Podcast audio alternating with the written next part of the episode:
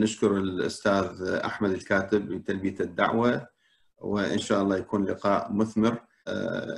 يعني نذكر السيرة الذاتية للشيخ أحمد الكاتب الأستاذ أحمد الكاتب معروف أي الألقاب يعني يفضلها. من 1966 دخل إلى حوزة محمد السيد محمد الشيرازي. وكتب كتاب الأول في 1970 الإمام الحسين كفاح في سبيل العدل والحرية. وفي سنة ال 71 كتب تجربتان في المقاومة اللي تحدثت عن ثورة التنباك في إيران وثورة العشرين في العراق. وفي سنة 72 كتب الإمام الصادق معلم الإنسان في سنة 1973 ألف كتاب كتابه الرابع عشر عشر ناقص واحد يساوي صفر.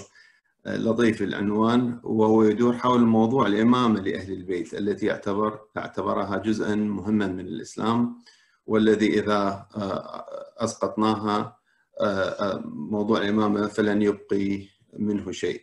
السيرة الذاتية أيضا تذكر الأزمة الدستورية في إيران وتأثيرها على الباحث حينما طرح الإمام الخميني نظرية ولاية الفقيه المطلقة. فوق الدستور والشعب ونشر كتاب تطور الفكر السياسي الشيعي من الشورى إلى ولاية الفقيه الإمام المهدي محمد بن الحسن العسكري. حقيقة تاريخية أم فرضية فلسفية عام 97 مجموعة أخرى من الكتب حقيقة جهود يعني مستمرة. نتشرف بحضورك أستاذ أحمد الكاتب ونتأمل أن يكون حوار لطيف وهادئ في خصوص الموضوع اللي طرحته في في هذا اليوم. المايك لك نعم. تفضل مشكورا. بسم الله الرحمن الرحيم. والحمد لله رب العالمين والصلاة والسلام على محمد وآله الطيبين. ثم السلام عليكم أيها الأخوة الكرام ورحمة الله وبركاته. في الحقيقة قبل ما أبدأ بالحديث عن الموضوع كثير من الناس يسألوني لماذا أنت يعني فقط تنبهت إلى هذه القضايا أو يعني كتبت في الموضوع؟ علماء الشيعة صار لهم ألف سنة يعني ما حد ما بحث هذا الموضوع أو أو تنبه له. النقاط الرئيسية التي سوف أحدثكم عنها. آه هذا في الحقيقة يكشف آه يعني أنا قبل ما أقوم ببحثي هذا آه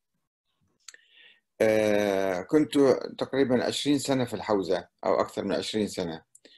ودرست المقدمات ودرست السطوح ودرست الخارج أيضا. وبدأت أكتب في القضايا الشيعية والفكر الشيعي منذ 1970 يعني كما لاحظتم في كتبي يعني. ولكن في الحقيقة كتاباتي كانت سطحية وجدا سطحية مع الأسف الشديد.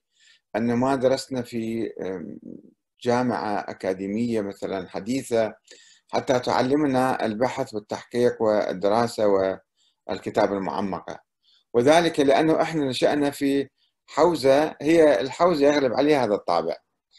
الحوزة السيد محمد الشيرازي رحمة الله عليه كما يقولون في سيرته كاتب ألف كتاب من الكراريس يعني والموسوعات الضخمة.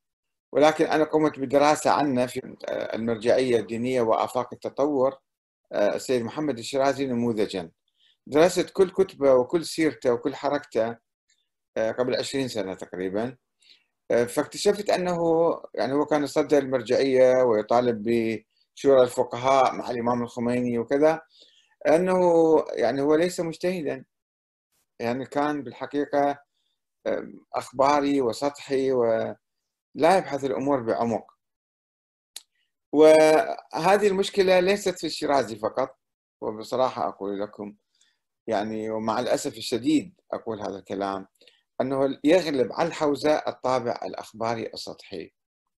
إذا كان هناك من مجتهدين كبار مثلا متعمقين في علم الأصول أو في علم الرجال أو في علم اللغة مثلا أو التاريخ فهذا نادر جدا في الحوزة. وحتى الذين قاموا بذلك تشوفوهم هم مثلا مجتهدين في الفقه والأصول والحديث ولكنهم ليسوا مجتهدين في العقيدة. في العقيدة أخباريين مقلدين.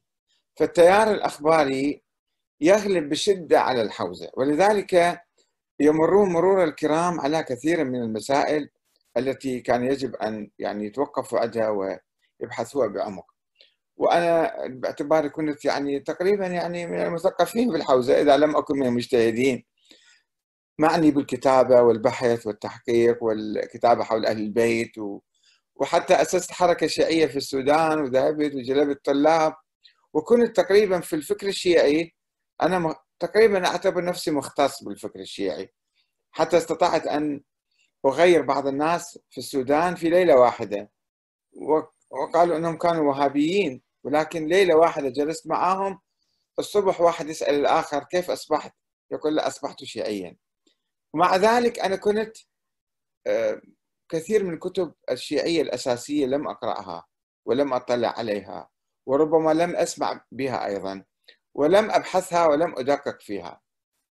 وقد سألت عندما أنا بدأت أبحث آه، في موضوع ولاية الفقيه آه، سوف أتحدث لكم عن عنها. والبحث جرني بحث جر بحثا بحث جر بحثا.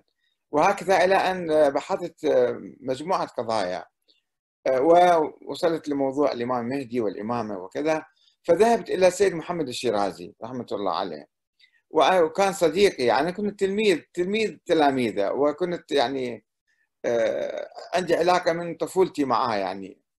آه، كنت يعني كان آه، أقوم ببعض النشاطات الثقافية والإعلامية. فأنا كنت جريء معه وهو كان صادق وصريح حقيقة. ف في قصة طويلة هو تحدث عن موضوع الإمام المهدي فأنا سألته قلت له أنت هل بحثت هذا الموضوع؟ وهذا السؤال يوجه لمرجع أنه هل بحث موضوع الإمام المهدي أو لم يبحث؟ فقال لي بصراحة لم أبحث. فأنا شجعت أكثر وتجريت أكثر. قلت له هل قرأت في هذا الموضوع؟ قال نعم أنا قاري بهالموضوع ولكن لم أبحث. فقلت له طيب أنا الآن باحث صار لي سنة تقريبا سنتين أبحث في هذا الموضوع وسوف أكتب الموضوع وأجيب لك إياه وأعطيني رأيك فيه. وبعثته له فأجاب بعض الأجوبة السطحية أيضا والسريعة. فقصدي أنه آه، لماذا أنا بحثت؟ هالمواضيع ووقعت في هذا الخط لأن الحوزة برامجها ومناهجها وطريقة تفكيرها وطريقة عملها هي طريقة سطحية ما يجتهدوا خاصة ما يسموه ما يسموه العقائد باعتبارها مفروغ منها. مفروغ منها وبديهية ليش نضيع وقتنا في هالأبحاث هذه؟ هاي أشياء كلها ثابتة والعلماء مأكديها من قبل ألف سنة الشيخ الطوسي والشيخ المفيد والسيد مرتضى والصدوق وذولا بعد بعد ما في مجال حتى نبحث. آه، أثناء البحث هذا طبعا آه، أنا وقعت على مكتبة شيعية آه، متخصصة بالفقه الشيعي. متخصصة بالكتب الفقه فيها حوالي 100 موسوعة فقهية مؤلفة خلال ألف سنة من الشيخ المفيد إلى الآن. خلال ألف سنة فيها 100 موسوعة فقهية. بحثت في هذا الموضوع وكنت أبحث في ولاية الفقيه. طبعا أنا كنت أعرف بعض الأشياء أو سامع فيها أنه كل راية قبل راية المهدي فهي راية ضلالة وصاحبها طاغوت يعبد من دون الله. هذا الفكر بداية ما دخلت في الحوزة هذا الفكر كان مخيم على الحوزة عموما. يعني ما يعرف بالحجتية التيار الحجتية في إيران وفي العراق وفي كل مكان تقريبا أنه إحنا ما لازم نقيم ثورة أو دولة أو حكومة أو نشارك بالسياسة كل هذا ما يجوز انتظارا لخروج الإمام المهدي الغائب. فالفكر الشيعي ألف سنة كان آه، يعني منعزل عن الحياة ويرفض المشاركة السياسية وخصوصا إقامة الدول والحكومات. هذا كان شيء محرم لا يجوز. وتفريعات هذه المسألة يعني الحدود يعني الأمر معروف عن المنكر يعني الجهاد يعني آه، صلاة الجمعة. في كثير من المسائل حتى الآن حتى الآن هناك مراجع يترددون فيها أو لا يقولون بصراحة وبقوة في هذه المواضيع. ف فإذا آه، آه، بالحقيقة الفكر الشيعي السابق كان يقول بعدم جواز المشاركة السياسية.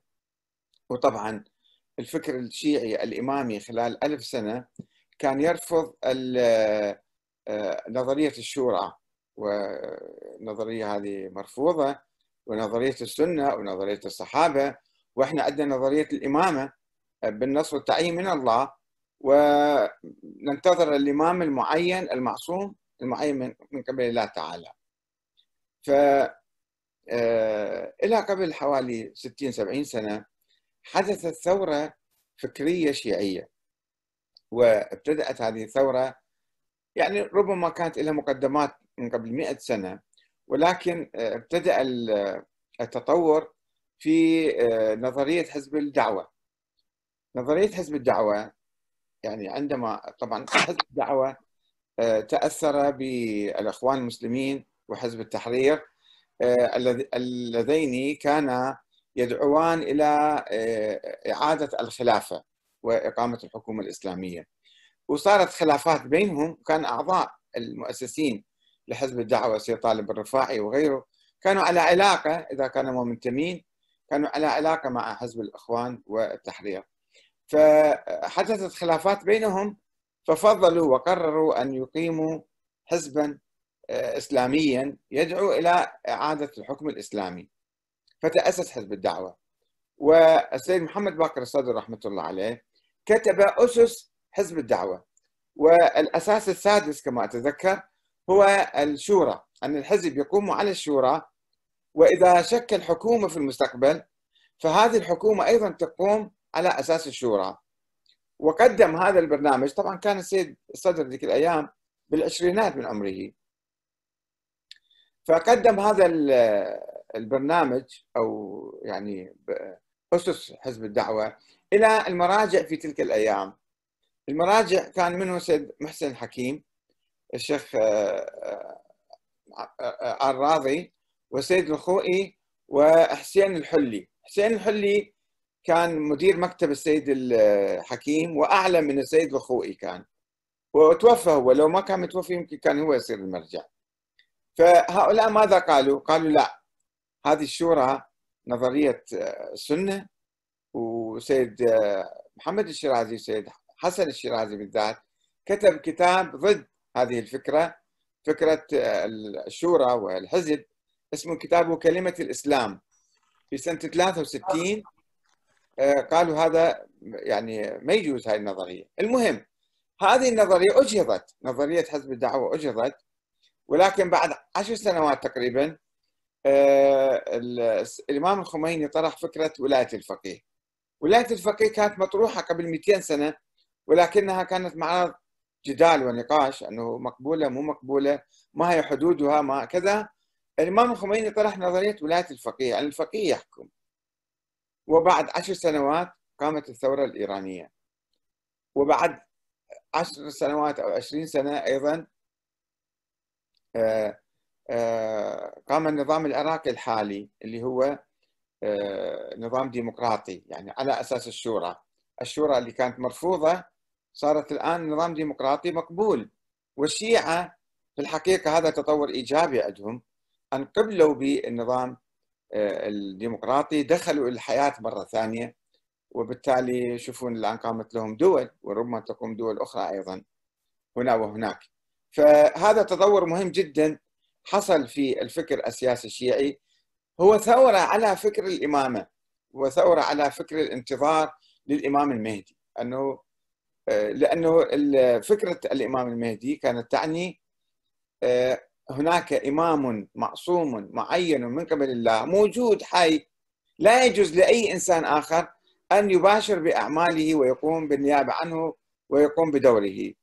هذه الثورة الحديثة الثورة الشيعية الحديثة قالت لا لا يشترط أن يكون الإمام. يعني رئيس الجمهورية أو رئيس البلد أو كذا هو معصوم أو معين من قبل الله أو من السلالة العلوية الحسينية إنما يجوز أن يكون فقيها عادلا. هاي معنى نظرية ولاية الفقيه. يجوز أن يكون فقيها عادلا أو حتى الآن في النظام العراقي لا نشترط حتى أن يكون فقيها عادلا. يمكن يكون فقط فقيه في السياسة يعني أو فقيه آه، إنسان وطني مخلص كذا يمكن يجيبوه ينتخبوه ويصير رئيس وزراء أو رئيس جمهورية. هذا تطور مهم جدا. نقلنا إلى مرحلة جديدة مرحلة الحياة. ولكن ولكن في الحقيقة هاي التجربة بعد حوالي 40 سنة من إيران إلى العراق نشوف هاي التجربة تعاني من مشاكل وتعاني من أخطاء. في العراق الأزمة واضحة. هناك محاصصة وهناك ضعف في هذا النظام لأنه رئيس مجلس الوزراء وليس رئيس وزراء وليس رئيس جمهورية يحكم. فصار عندنا تباطؤ في تقديم الخدمات للناس وفي إدارة الدولة بصورة صحيحة. وهناك كلام عن محاولات إصلاح هذا الدستور أو إصلاح هذا النظام تطويره إلى نظام رئاسي أو شبه رئاسي يعني بين الرئاسة وبين رئاسة الوزراء من أجل إصلاح هذا النظام. وأيضا عندنا مشكلة في العراق المشكلة الطائفية. يعني آه، الثقافة الطائفية القديمة اللي إحنا كنا نصورها هي هاي فكر البيت وهي هاي تمثل المذهب الشيعي. والآن أكو شعور عند كثير من الناس في العراق أنه والله هذا الحكم حكم الشيعة. وماخذين حريتهم الناس ويشوفون الخطباء المحترمون يصعدون على المنابر ويسبون ويلعنون ويتحدون ويغلطون على الآخرين وما حد ما يحاسبهم ما حد ما يعاقبهم ما حد ما يسائلهم ليش تعملون كذا وكذا. يقول لك إحنا الآن الحكم بيد الشيعة خلي نعبر عن آرائنا بدون تقيه طيب هذا ماذا يخلق؟ وماذا خلق؟ خلق نوع من التوتر الطائفي وشعور السنة بأنهم مواطنين من درجة ثانية. لأنه رئاسة الوزراء لازم تكون للشيعة. طيب إحنا شنو دورنا؟ شنو شغلنا؟ نكون خدم في هذه الدولة. وبالتالي بعض السنة قالوا ندخل في هذا النظام لكي نسقطه من الداخل. كما روي روى محمد الحلبوسي رئيس البرلمان عن سعد البزاز الذي قال له أنه أنت أول ما صار نائب قال له تدخل بالبرلمان بس هاي مو دولتنا. لازم تروح أنت إيش قد ما تقدر تخرب هاي الدولة. ليش؟ لأنه في الحقيقة لا تزال المشاعر الطائفية متأججة. من ناحية الشيعة يعتقدون اعتقادا وهميا أن هذه دولتهم وهم منتصرين. بينما النظام الديمقراطي النظام الديمقراطي هو نظام متجاوز لكلا الطائفتين السنة والشيعة. لأن الشيعة كانوا يؤمنون آه، الحكم لازم يكون بيد أهل البيت وأهل البيت ما موجودين. وتجاوزوا هذه النقطة. السنة كثير منهم كانوا يؤمنون بالخلافة أو يؤمنون بحكومة المتغلب. أي واحد يقوم انقلاب عسكري ويصير يصير حاكم شرعي يعني. فقبول آه، الشيعة والسنة بالنظام الديمقراطي يخلي الطرفين آه، يتجاوزون يعني المفروض فيهم أنه جاوزوا فكرهم القديم وبدأوا فكر آه، حديث اللي هو نظام ديمقراطي يقوم على كما تعرفون الأنظمة الديمقراطية لا تقوم على الطوائف ولا تقوم على القوميات. كل تعامل الناس فردا فردا. كل واحد آه، يعني نظرة فردية للناس مو نظرة عشائرية أو نظرة طائفية أو قومية أو أو كذا. هذا يعني الشعور الطائفي آه، مع الأسف كان المفروض نتخلص من عنده. ونحن بعد لا لم نعد شيعة إمامية. إحنا أصبحنا مسلمين ديمقراطيين أو عراقيين ديمقراطيين. نحن لسنا سنة ولسنا شيعة. نحن ديمقراطيون. هذا هذا الفهم ما موجود في الساحة. لا عند الشيعة ولا عند السنة. ومن ناحية أخرى في التجربة الإيرانية التجربة الإيرانية أنا عندي آه، دراسة آه، كانت أطروحة الدكتوراه ولكن لم أكملها في الحقيقة. هي الشرعية الدستورية في الأنظمة السياسية الإسلامية المعاصرة. دراسة مقارنة بين المملكة العربية السعودية دستور المملكة يعني ودستور الجمهورية الإسلامية الإيرانية. قمت بهذه الدراسة آه، وطبعت الكتاب قبل أن يعني أنهي الأطروحة. آه، وجدت هذا الدستور من أرقى الدساتير في العالم. من ناحية ضمان الحريات والحقوق والمبادئ وكل شيء لطيف وهو يقسم السلطة إلى سلطة ويقول سلطة آه، تشريعية مستقلة وسلطة تنفيذية مستقلة وسلطة قضائية مستقلة وهناك نظرية ولاية الفقيه اللي خففت في الدستور الإيراني بحيث أصبح يسموه القائد ما يسموه ولي الفقيه. القائد أيضا ينتخب من الناس عبر مجلس الخبراء. اللي هو تقريبا 88 عضو ينتخبون من الناس وبالتالي آه، ينتخبون القائد فالنظام كله قائم على مبدأ الشورى مبدأ الانتخابات ولكن عمليا ماذا حصل؟ الإمام الخميني بكاريزما اللي كان عنده هو آه، يعني آه، يوم من الأيام بعد ما اقروا الدستور ورا عشر سنين سنة 88 عفوا طرح نظرية الولاية المطلقة وهذه صارت أزمة بالدستور لأن كل الدساتير في العالم تجرب خلال عشر سنوات عشرين سنة إذا فيها ثغرات يحاولون يقدمون يعني حلول لهذه الثغرات.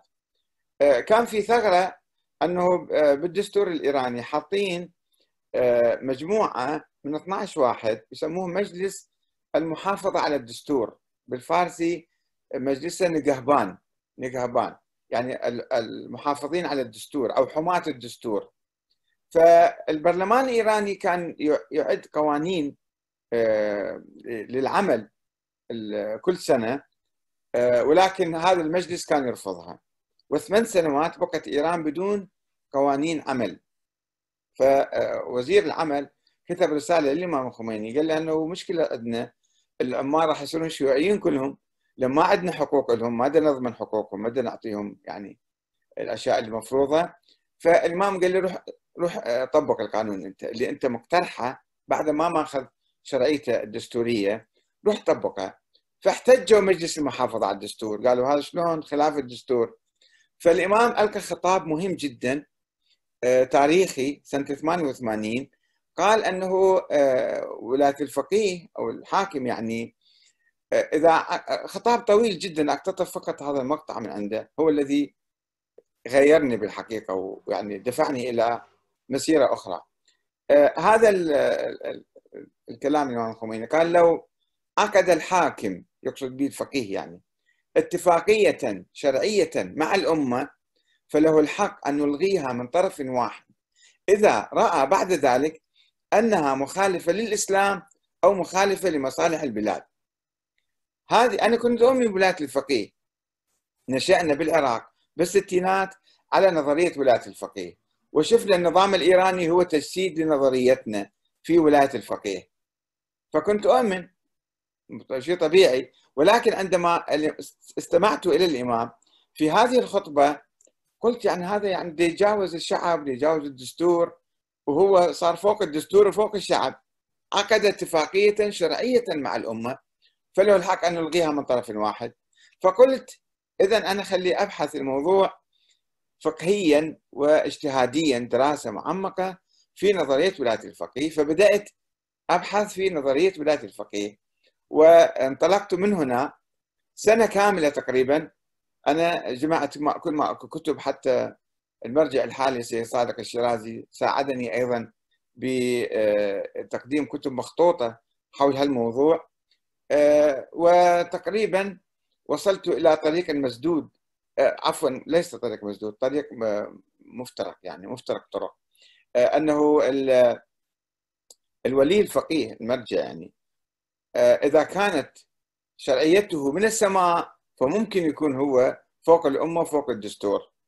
وإذا كانت شرعيته من الأمة هو نائب الأمة وليس نائب الإمام المهدي فاذا يجب أن يلتزم بالدستور وإذا يريد يغيره مو بكيف يقعد الصبح يقول أنا أريد أغير الدستور؟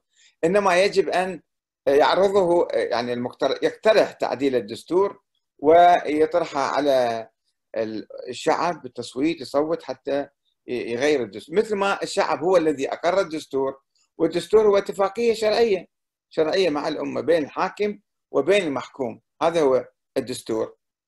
ف قلت قبل ما أكملكم في هاي النقطة أقول أن التجربة الإيرانية صار أنه السلطة التشريعية تحت سيطرة الإمام والقائد الآن. يعني ما يدخل واحد البرلمان إلا يوقع انه هو يوالي الإمام يعني فقد استقلاليته. رئيس الجمهورية أيضا هو يوالي الإمام يوالي المرجع يعني ولي الفقيه أو القائد. هو ليس مستقلا في سلطته. القضاء أيضا هو أصبح تحت سلطة القائد والإعلام المؤسسات الإعلامية التلفزيون الإذاعة بإيران كلها تحت سلطة القائد. فصار القائد اللي هو باقي منتخب بصورة غير مباشرة هو صار 30 سنة مثلا يمكن بعد الله يطول عمره 50 سنة أخرى هو الكل في الكل ولا توجد يعني مؤسسات أخرى في مقابله. لا يستطيع أحد أن يعارضه سواء رئيس الجمهورية أو رئيس الوزراء أو أو آه، عفوا ما في رئيس وزراء غيره أو البرلمان أو القضاة. هذا ما نريد ندخل في تفاصيل الموضوع ولكن أريد أن ألخص الكلام أنه التجربتان العراقية والإيرانية فيها ثغرات فيها آه، مشاكل وأعاقت التطور الديمقراطي أو عرقلت هذا التطور الديمقراطي وفرغت التجربة الديمقراطية من روحها ومن آه، من يعني مبادئها الأساسية. لماذا؟ هنا السؤال هنا السؤال الذي تابعته في المرحلة الثانية من دراستي عندما وصلت إلى هذا المفترق الطرق أنه شرعية القائد آه، من الله عبر الإمام المهدي كهو باعتباره نائبا عاما عن الإمام مثل ما المراجع كلهم يعتقدون. كل مرجع يقول أنا نائب الإمام العام. فأنا الحاكم الشرعي. حتى الآن السيستاني أيضا يعامل النظام العراقي بهذه الصورة. نظام عراقي ديمقراطي قام على الدستور وقام على الانتخابات ولكن شوفوا أنتم بالشعب داخل الناس وعند المرجعية. ليس هو يعني ما لا يوجد إيمان آه، قوي وكافي وكامل بهذا النظام. لا زال الناس يقولون هذا شيء مؤقت وما عنده شرعية. شرعية عندما موجودة الشرعية العليا عند المرجع. إذا سيستاني قال لرئيس الوزراء روح لازم يروح. إذا قال جيبوا هذا لازم يجي هذا. السيستاني عمليا تقريبا آه، ما ما أريد أستخدم كلمات قاسية. يعني هو آه، أعفى آه، الدكتور إبراهيم الجعفري بعد أن فاز بالانتخابات وصارت مشكلة الأكراد ما قبلوا كذا فقال له روح استقيل. استقال. كذلك السيد نور المالكي في الدورة الثالثة يعني هو كان أيضا فائز بالانتخابات وكان هو لازم يشكل الحكومة فأيضا قال له صارت مشكلة قال له روح. وعادل عبد المهدي العام الماضي يعني نفس الشيء قال له أنت قم روح. فالسلطة المرجع باعتباره هو الحاكم الشرعي. طبعا السيد السيد الثاني يؤمن بذلك يؤمن بأنه هو نائب الإمام وهو الحاكم الشرعي. صارت فوق الدستور ومعرقله الدستور. ويعني الدستور بعد النظام الديمقراطي كله ما ماشي عندنا بصوره جيده. لماذا؟ لأنه إحنا نؤمن بمخلفات الفكر الإمامي. الفكر الإمامي كان يقول قبل 1300 سنة بالقرن الثاني الهجري آه، خرج هذا الفكر وكان يقول الحاكم الإمام يعني الحاكم أي حاكم يجب أن يكون معصوما ومعينا من قبل الله تعالى. وهذه النظرية مطبقة في هؤلاء الأئمة. وصلوا إلى الإمام الحسن العسكري. الإمام الحسن العسكري توفى من دون عقب ظاهر. فافترض بعض الشيعة وتفرقوا إلى 14 فرقة. وفرقة منهم قالت بوجود ولد مخفي للإمام الحسن العسكري. لماذا مخفي؟ لأنه في خوف وفي تقية وفي كذا. المهم هذا الإمام موجود ولا يعرفه إلا النواب الخاصون الأربعة.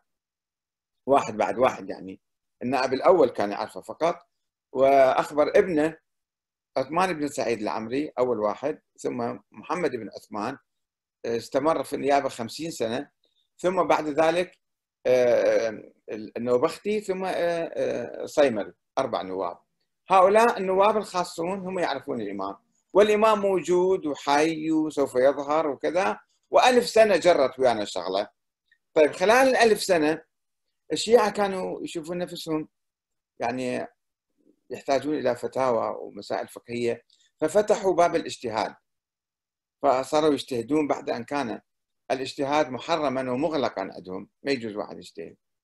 ثم آه، صارت عندهم فرص قامت حكومات مثل الحكومة الصفوية. فالفقهاء آه، الشيخ علي عبد العالي الكركي هذا كان عالم في زمن الدولة الصفوية هذا طلع فكرة النيابة العامة. قال الفقيه هو نائب الإمام افترض يعني فرضية أنه كل فقيه يعتبر هو نائب الإمام نائب الإمام العام. ثم صار أنه هذا الفقيه كان يعطي الشرعية للحكومات الصفوية والقاجارية. ثم بعد ذلك طلعت نظرية ولاية الفقيه التي قال فيها الفقيه أنا الفقيه أنا أحكم بعد ما يحتاج أعطي الشرعية لأحد يحكم كما في إيران مثلا. بالعراق لا السيد السيستاني لا يقول بالولاية بولاية الفقيه بهذا المنظار أنه أنا أجي أحكم ولكنه يعتقد هو فوق الحكومة هو أعلى من الحكومة وأعلى من الدستور عمليا يعني حتى لو لم يصرح حسب التجربة خلال هاي 17 سنة عندنا هذه العملية. هنا إحنا وين نرجع؟ أنه آه، تلكؤ أو فشل النظام الديمقراطي المعاصر يعود إلى آه، نظريات ولدت خلال القرون الماضية. هي نظرية ولاية الفقيه والمرجعية حتى المرجعية ولدت يعني تطورت وصارت بها الصورة الآن اللي تشوفوها. وفرضية وجود الإمام الثاني عشر وفرضية الإمامة الإلهية أو نظرية الإمامة الإلهية. نظرية الإمامة الإلهية أيضا يعني هنا أحب أتوسع شوية أكثر. أقول أنا عندما وصلت إلى مفترق الطرق أنه شرعية ولاية الفقيه نابعة من الإمام المهدي أم نابعة من الشعب هذا سؤال مهم جدا كان. فتركت بحث موضوع ولاية الفقيه ورحت بحثت في موضوع آه، الإمام المهدي. هل هو موجود أو غير موجود؟ حتى يعطي شرعية للولي الفقيه حتى تكون عنده ولاية مطلقة وعامة على الناس. بحثت في هذا الموضوع لمدة سنة أيضا آه، وفوجئت بالكتب والمعلومات آه، التي كانت في تلك الكتب القديمة. وأنا باحث يعني في الحركة الشيعية أو في الحوزة أو بالتنظيم تبعنا ندعو إلى ولاية الفقيه وتطبيقه في العراق أنه مراجعنا ما باحثين. مراجعنا السيد الشيرازي وغيره وغيره وغيره ما باحثين في موضوع آه، ولادة الإمام الثاني عشر محمد بن الحسن العسكري. فوصلت إلى مقولات في كتب الأولين مؤسسي المذهب الاثني عشري اللي هم آه، النعماني محمد بن أبي زينب النعماني. عنده كتاب اسمه الغيبة متوفي سنة 340 هجرية. ثم المفيد ثم الصدوق ثم الطوسي ثم السيد المرتضى. هؤلاء كانوا في القرن الرابع الهجري والخامس. يقولون ليس لدينا دليل تاريخي يثبت وجود هذا الولد للإمام الحسن العسكري لأن الظاهر قال أنا ما عندي ولد وهناك دعوات سرية من النواب الخاصين تقول أنه موجود ولكن ما عندنا دليل قوي يثبت هذا. أقوى دليل عندنا هو الدليل العقلي.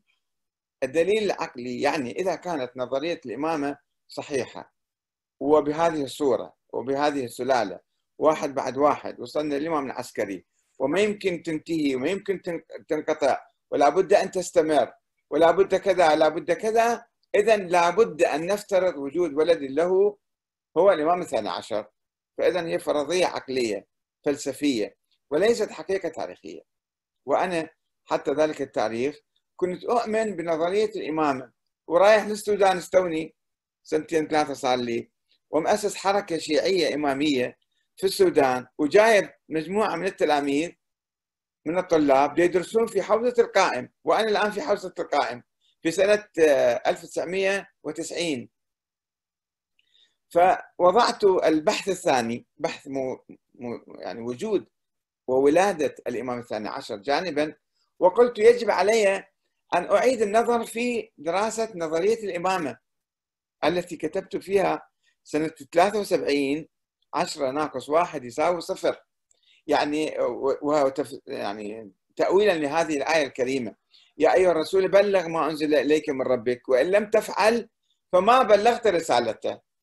الشيعة الإمامية وأنا واحد من عندهم. كنت أفسر هذه الآية وأولها بالولاية.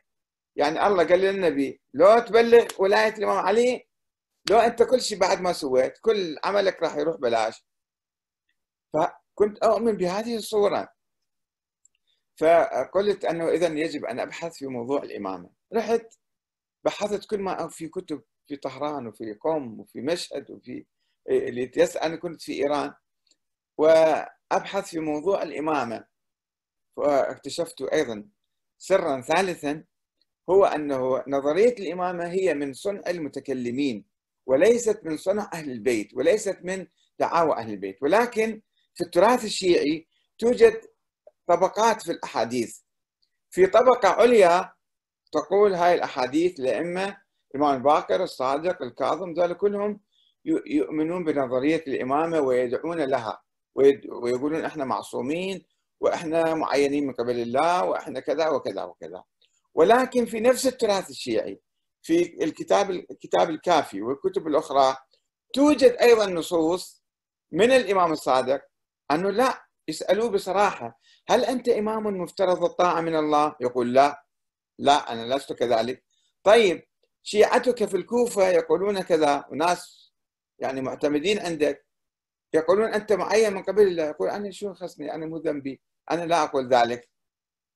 هذه الرواية تفسر أنها للتقية وكل الروايات المشابهة في نهج البلاغة في الكافي عن الإمام علي. الإمام علي بصراحة في في نهج البلاغة وفي الكافي يقول أني لست بفوق أن أخطئ. أنا لست معصوما.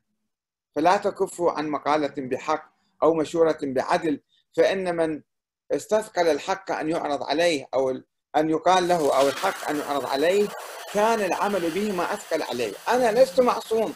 إذا أخطأت قوموا قولوا اتق الله يا علي بن أبي طالب. بهذه الصورة كان يعلن وهو في الحكم. ولكن هذه كل آه، الأحاديث الأكيدة الواردة تفسر بالتقيه فاذا عندنا نظريتين. عندنا نظرية فوق وعندنا نظرية حقيقية لأهل البيت مهملة ومضروبة آه، بدعوى التقية. وناخذ النظرية الفوق. إذا رجعنا إلى هذه النظرية اللي مطمونه في التحت وموجودة في سيرة الإمام علي موجودة في تراث الإمام علي. في نهج البلاغه وغيره موجودة في سيرة الإمام الحسن وسيرة الإمام الحسين وأحاديث أخرى من أهل البيت. نجد أن أئمة أهل البيت كانوا يؤمنون بنظرية الشورى للحكم وليس بنظرية الامامه الإلهية القائمه على الأسماء والنص والسلالة احتكار الحكم في سلالة معينة، نظرية أهل البيت مفصلة في آه، أحاديث كثيرة آه، تؤيد، الإمام علي عندما آه، يعني طبعا هذا بحث مفصل جدا يعني لكي نثبت الموضوع ولكن أنا ما أريد أطيل عليكم. أعتقد تجاوزت الوقت المحدود أيضا. فقط باختصار أقول لكم وهذا أنا باحثة وكاتبة ومحاضرات عديدة عندي فيه أنه نظرية أهل البيت وسيرته سيرة الإمام علي جاء عبر الشورى الناس انتخبوه صار إمام. وهو عندما ضرب جاء له الناس قالوا له عين الامام الحسن من بعدك؟ قال لا إني أترككم كما ترككم رسول الله. فقالوا له طيب إحنا سوف ننتخب الإمام الحسن. قال أنا لا أمركم ولا أنهاكم. عندما توفي الإمام جاء الناس وبايعوا الإمام الحسن. ثم تنازل الإمام الحسن لمعاوية بعد ستة اشهر الإمام الحسين أيضا قام على الشورى. أهل العراق أهل الكوفة اللي هم كانوا عاصمة المسلمين هم انتخبوا انتخبوا الإمام الحسن الإمام الحسين واستدعوه للحكم ولكن يزيد قمع حركته وقمع إرادة الشعب الكوفي في تلك الأيام واستمر استمرت الأنظمة الدكتاتورية. فاذا نظرية أهل البيت الشورى الآن الشيعة مطبقيها ولكن التطبيق يشوبه بعض المشاكل والسلبيات والأزمات بفعل آه، المخلفات المخلفات نظرية الإمامة الإلهية الدخيلة في الفكر الإمامي، نظرية الإمامة الإلهية ليست فكر أهل البيت، نظرية الإمامة هي هي نظرية دخيلة ومفتعلة ومركبة على أهل البيت وهم لا يؤمنون بها. فهي خلاصة الموضوع؟ لكي لكي ننجح تجربتنا الديمقراطية في العراق وفي إيران وفي أي مكان علينا أن نتخلص من مخلفات النظريات السابقة ونؤمن بالنظرية الديمقراطية التي تساوي بين الناس لا شيعة ولا سنة. وهذا لا يمكن أن يحدث إلا بإقامة نظام آه، جمهوري رئاسي يعني انتخابات رئاسية آه، الرئيس يقدم نفسه مو يتكلم ويا أهل بلدته وأهل منطقته وأهل مذهبه وطائفته فيكون طائفيا في البرلمان ويطالب بالمحاصصة والحكومة تكون ضعيفة. لا رئيس من أي طائفة كان من أي قومية كان من أي دين كان يرشح نفسه للشعب العراقي يخاطب الشعب العراقي خطابا وطنيا ديمقراطيا لا طائفيا ولا قوميا. والشعب أيضا ينتخبه وهو يشكل حكومته ويشكل له حزب وطني ديمقراطي لا طائفي ولا آه، ولا قومي ولا عنصري. فبهذه الصورة نطور النظام الديمقراطي وإن شاء الله نتقدم نحو الأمام. بفضل فكر أهل البيت الأول. والسلام عليكم ورحمة الله وبركاته. الآن نستقبل أسئلتكم. حياك الله. جزاك الله ألف خير. أشكرك على يعني المحاضرة القيمة. يعني كمنصة أو كصالون عراقي بما أنه الكلام كان ضمن العقائد أريد أكد أنه يعني موقفنا من العقائد هو واحد ولا يعني نؤيد أو نعارض أي طرح يطرح في هذه المنصة. السلام عليكم. أظن دقيقة واحدة لا تكفي حتى نلتزم بالوقت ونقدم ما هو مفيد لهذه المحاضرة المهمة للأخ الأستاذ أحمد الكاتب أزعم أنني مطلع على نتاجاته وتعودنا في المداخلات السابقة على الأقل ثلاث إلى خمس دقائق. أرجو من الأستاذ حازم أن يسمح لنا بذلك لنفعل المحاضرة في هذا السياق. آه، آه، نقطة نظام ليست نقطة نظام هي ملاحظة على إبداء آه، طريقة إلقاء المحاضرة لأخي الأستاذ أحمد. مع كل احترام وتقدير هو بدأ بالنتائج التي تجاوز بها المقدمات لم يكن هناك مقدمات للبحث وإنما هو بدأ من الواقع الحالي الذي لا يخضع إلى العنوان. حاول أن أن أن يقدم الواقع في سلطة العنوان التي لم يتطرق إليها إلا في اللحظة الأخيرة. أعتقد أن الأستاذ الكاتب أخضع نظام الحكم الحالي إلى نظام الشورى وهنا نحن نعيش آه، مع محاضرة الأستاذ الكاتب أزمة المصطلح، هناك فرق شاسع بين الشورى وبين الديمقراطية. اولا النظام الحالي في العراق ليس نظاما ديمقراطيا وإنما هو نظام مرسوم آه، يطلق عليه نظام الكليبتوقراطي أي نظام حكم اللصوص وهذا الذين يأتون إلى الحكم بالانتخابات وهذا موجود 4000 سنة قبل الميلاد في الاغريق القديمه. أعتقد يا أخي الأستاذ أحمد الكاتب أن آه، النظام الشورى الذي تتفضل به واعتبرته آه، من فكر أهل البيت ويتعارض تعارضا كليا مع الآية الكريمة آه، وأمرهم شورى بينهم وأمرهم النظام الحكم أو الإمامة هو نظام إلهي نظام إلهي. وأنا أختلف مع الشيعة أتفق مع السنة بأن اجماعا يكاد أن يكون مطلقا على أبي بكر وعلى عمر ومن ثم على عثمان آه، أجمعت الأمة. ولكنها أجمعت الأمة على رأيها فتخلت عن رأي الله أو أمر الله سبحانه وتعالى فخذلت هذه الأمة إلى ما شاء الله، لو قارنا الأمة الإسلامية بأمم أخرى لم نجد أمة مخذولة أكثر من هذه الأمة التي نحياها الآن. السؤال للأخ الحبيب الأستاذ أحمد الكاتب أين تضع حديث الاستخلاف الذي ورد في البخاري وورد في صحيح مسلم وورد في مسند أحمد بن حنبل الذي قال لأن الوقت ضيق لا آه، آه، أستطيع أن أقرأ الحديث بسنده. آه، يقول يكون 12 إماما في البخاري بعدي كلهم من قريش. يعني الاستدراك في كلهم من قريش وخليفة في صحيح مسلم و 12 كعدة 12 كعدة نقباء بني إسرائيل. أين تضع حديث الاستخلاف هذا؟ وأرجو أن تذكر لي أسماء ال 12 خليفة إماما نقباء بني إسرائيل في قبال الشورى. الأستاذ أحمد الكاتب يسقط الأخطاء الحالية أو يجعل الأخطاء الحالية هي لعدم التمسك بنظرية الشورى بل على العكس.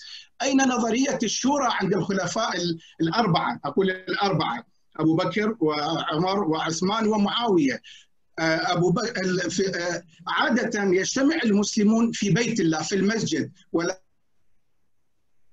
نعم أحسن. لكن الشورى بعدد قليل اجتمعوا أي في سقيفة في نصف دقيقة في سقيفة بني سعد في سقيفة بني ساعدة. ومن ثم عين أبو بكر عين أبو بكر عمرا خليفة عينه بالتعيين. وتعرف الشروط للستة الذين يجب أن ينتخبوا بعد بعد عمر بن الخطاب بشروط التمسك بسنة الشيخين. طبعا الاطروحه مهمة وبحاجة إلى نقاش المشكلة مشكلة أظنها مشكلة ذاتية مأزق الباحث حينما يواجه صخرة أو جدارا أو نفقا مسدودا يكسر أدواته التي يبحر بها ويحاول أن يستعير أدوات الآخر لدي حديث كثير تعليق في هذا أحسن. الموضوع أحسن. شكرا شكراً. جزيلا يعني يحتاج تفصيل كثير يعني كل نقطة اللي ذكرها الأستاذ محمد الشياع أساسا أنا رأيي أو قراءتي للفكر الإسلامي كله يعني السني والشيعي وصل توصلت إلى هذه النقطة. عندما أقرأ القرآن الكريم من أوله إلى آخره أجد فيه عقيدة وفيه عبادات وفيه أخلاق وفيه أحكام وفيه قصص الأولين. لا يوجد في القرآن الكريم أي حديث عن الدستور وعن نظام الحكم ومن يحكم ومن كذا وكيف العلاقة بين الحاكم والمحكوم. أحكم بالعدل. الله سبحانه وتعالى يريد الحكم بالعدل وأمرهم شورى بينهم. مبادئ الديمقراطية أو مبادئ الشورى موجودة ولكن التفاصيل النظام ما موجودة ولا, ولا النبي يتحدث عن هذه التفاصيل. فلا يوجد في الإسلام دستور للحكم بالمعنى الدستور المعاصر. الأمة فلا يوجد نظام سياسي إلهي. لما نقول ما موجود نظام دستوري في القرآن أو في الإسلام عموما لا يعني لا يوجد نظام حكم إلهي. توجد إرشادات وتعليمات إلهية. يجب أن يتقيد بها الحاكم. أي حاكم أن يحكم بالعدل يحكم بالشريعة يحكم ب مثلا بالطرق الصحيحة. الأمة خالفت أمر الله تعالى في الإمامة. هذا بناء على نظرية الإمامة وإلا يعني هي هذه أول الكلام أنه موجودة أو ما موجودة. هذه النظرية هذه. حديث الاستخلاف الاثني عشر. الفرقة الشيعية الاثني عشرية. هذه فرقة تطورت عن نظرية الإمامة. يعني نظرية الإمامة عندما ظهرت في الوجود في القرن الثاني الهجري في زمن الإمام باكر والصادق في زمنهم. لا أقول من عندهم أقول في زمنهم في القرن الثاني الهجري طلعت نظرية الإمامة. نظرية الإمامة كانت تقول أن الإمام يجب أن يكون معصوما معينا من قبل الله في هذه السلالة العلوية الحسينية إلى يوم القيامة. ما كانت محددة ب 12 أو 12 ألف أو 12 مليون إلى يوم القيامة إلى نهاية الدنيا. في مقابل الخلفاء العباسيين أو الأمويين أو الآخرين. حديث الاستخلاف الشيعة ما كانوا يعرفوه. لو درسنا إحنا التراث الشيعي في القرن الثالث الهجري مثلا. عندنا عدة كتب مكتوبة. عندنا كتاب فرق الشيعة للنوبختي. وعندنا العفو.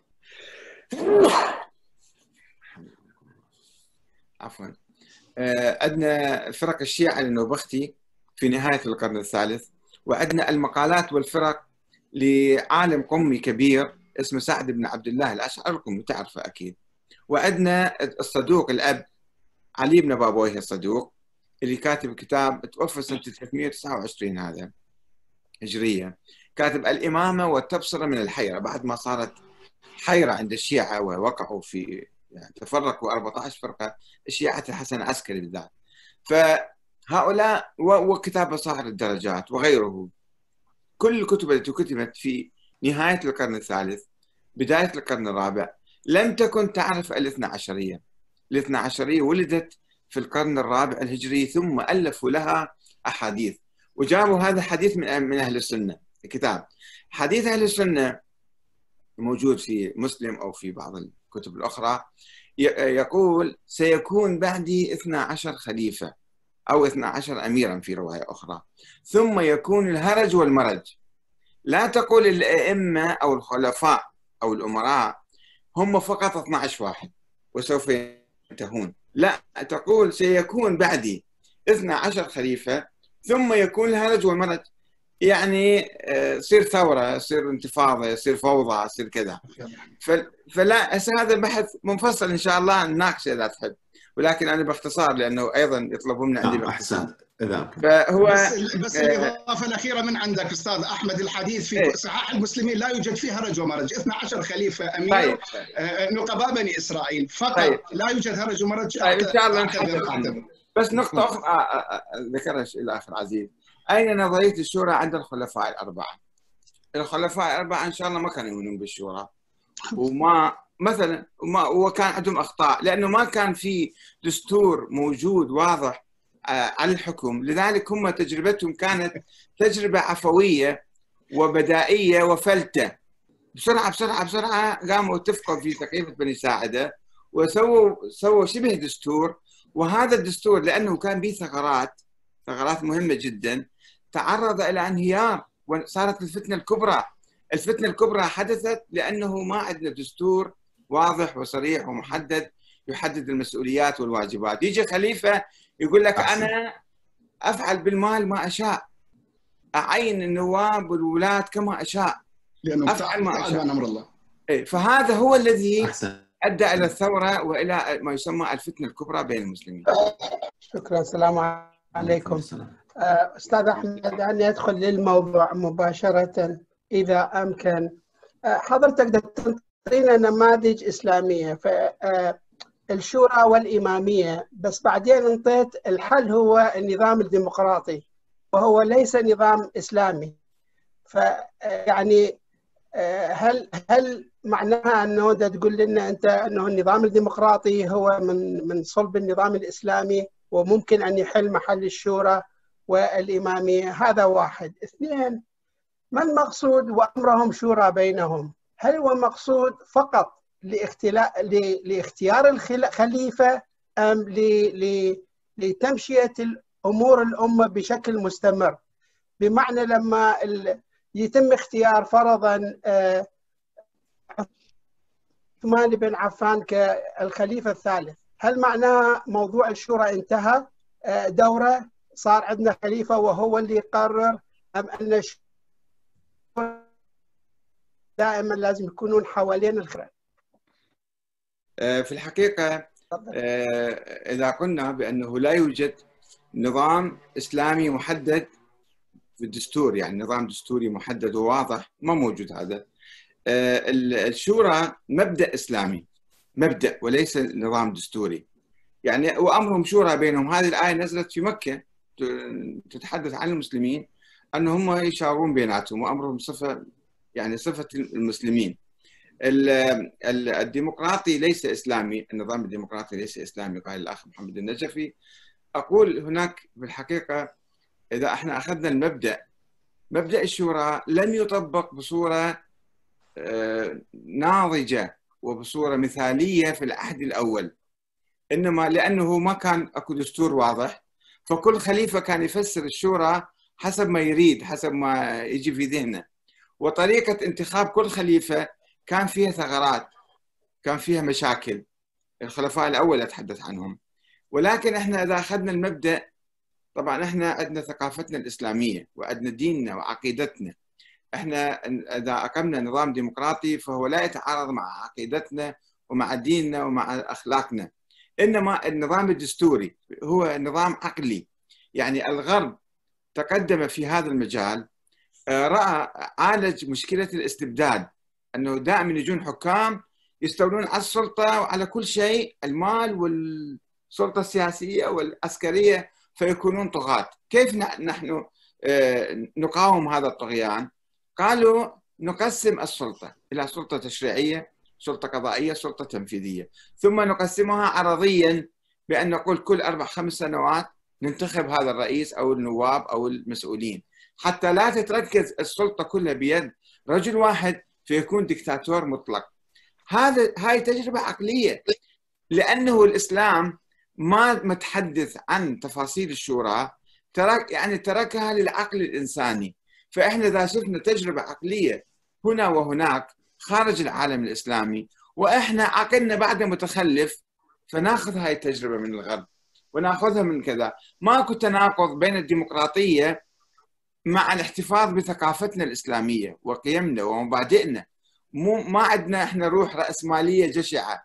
ما تقوم ديمقراطيتنا تقوم الشورى على الزكاة إعطاء الزكاة للناس وليست على الجشع الرأسمالي. هاي فارق مهم جدا. فالشورى هي الاختيار الخليفة واختيار الحاكم اللي هي النظام الديمقراطي الان بس سؤال سريع ما أريد آخذ من وقت الأخوة بأنه ما ما استنتجت من كلامكم بالخصوص اللي ما اتصوره ما راح تقوله عن حديث الغدير بأنه راح تفرق في حديث الغدير. طبعا المسألة حديث واضح جدا وحديث مسنود بس حسب تصوري رأيك بأنه الخلافة الدينية تختلف عن الخلافة السياسية وحسب ما افهمه من حديثكم بأنه تعتقد بأنه حديث الغدير أنطى الخلافة الدينية للإمام علي عليه السلام ولم يعطه الخلافة أو أو الخلافة السياسية، هل هو هذا صحيح؟ ما ما فهمت من عندكم؟ أجاوب؟ بلي تفضل. لا ليس صحيحا. أنا حديث الغدير متفق عليه ومسنود ومعتبر ولكن في نسخ عديدة في الحقيقة. النسخة اللي أحمد بن حنبل يذكرها وآخرون يذكروها ما فيها كلام عن السياسة والحكم والخلافة. في قضية شخصية النبي الولاء الشخصي له وموقف من الإمام علي في حادثة معينة جرت في تلك الأيام ولم يفهم حتى الإمام علي نفسه من حديث الغدير الخلافة السياسية ولا الخلافة الروحية، ما عندنا شيء اسمه خلافة روحية أو خلافة دينية. الإسلام انتهى، اليوم أكملت لكم دينكم وأتممت عليكم نعمتي ورضيت لكم الإسلام دينا، ماكو شيء بعد النبي واحد آخر متصل بالسماء أو عنده وصايه دينية أو وصايه سياسية على الناس. لا الإمام علي ولا الحسن ولا الحسين كانوا يفهمون هذا الشيء. هذه نظرية أخرى نظرية الإمامة السيد السيد مرتضى العسكري رحمة الله عليه حاول أن يفرق بين الاثنين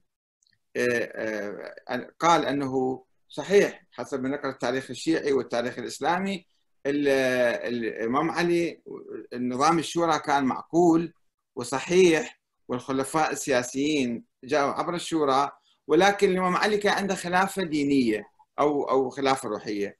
أنا أختلف مع السيد محمد السيد مرتضى العسكري وقد ناقشته في ذلك. يعني هالمساله ناقشته مش وليس شخصه. فأنا أعتقد أن حديث الغدير نصه ثابت وواضح ولكنه لا يدل على الإمامة لا السياسية ولا الروحية.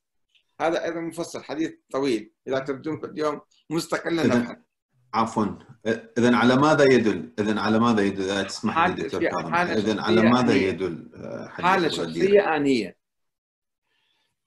ليس نظاما دستوريا للحكم ولا ولا نظاما دستوريا للخلافة الدينية. ممكن تعقيب بس بسيط بأنه هل من نعم. الناحية العقلية والمنطقية دعنا عن كل هذه الأحاديث. نعم. دعنا عن كل اللي موجود.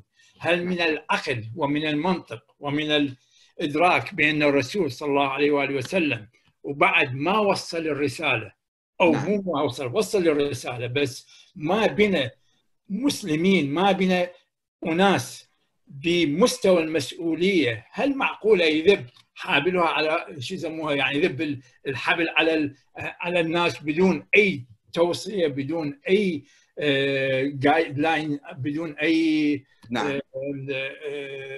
أصول معينة حتى يترك الحبل على الغارب بس من ناحية عقلية ومنطقية يعني هل نعم. هذا مقبول؟ نعم الجواب في شقين في الحقيقة اولا في هذه المسائل نحن نسلم أمرنا إلى الله تعالى، الله شنو قال؟ إحنا مو نفترض من عندنا فرضيات. الشيء الثاني صار لنا ألف سنة هل عندنا إمام معين معصوم من قبل الله يحكمنا؟ ليش الإمام العسكري إذا كان هو إمام ومعين من قبل. لماذا ترك المسؤولية آه، ملقاة آه، الحبل على الغارب؟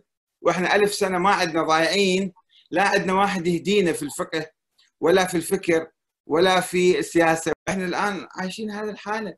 فهل من العقل أن الإمام العسكري يروح وما يقول لنا واحد إمام منو عليكم؟ فنفس السؤال يجي.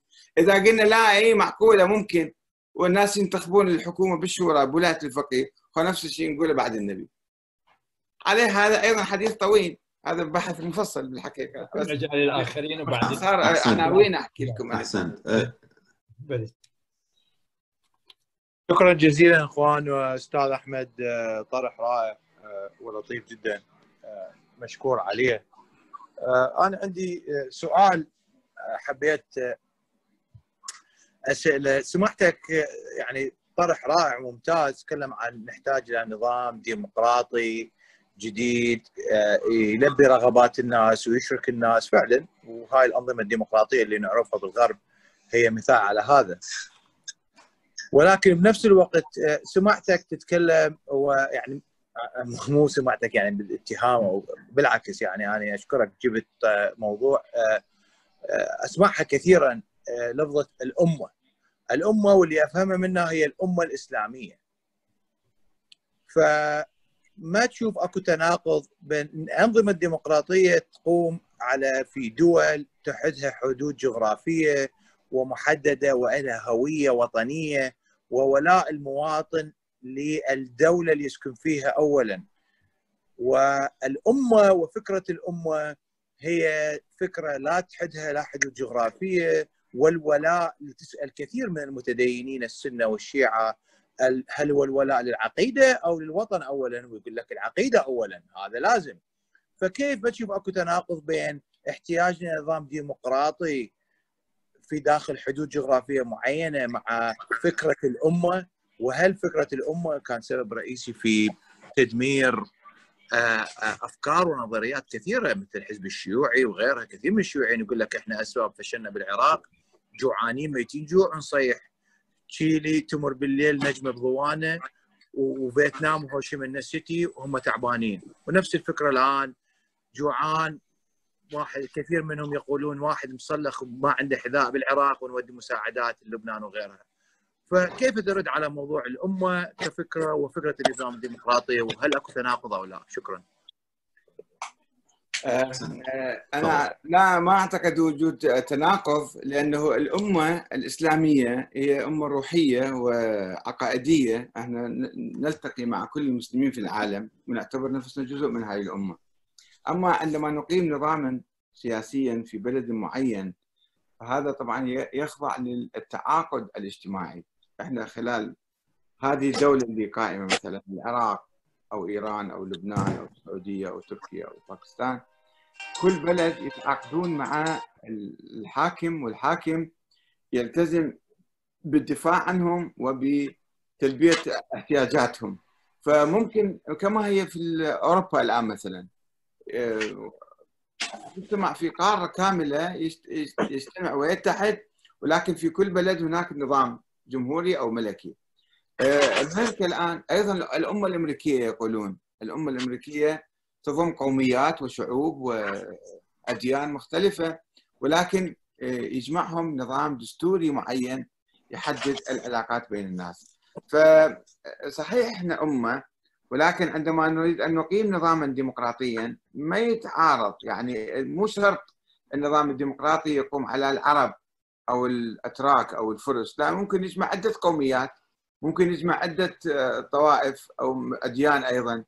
فهذا يعني يحل بالعقد الاجتماعي اللي نعقده إحنا.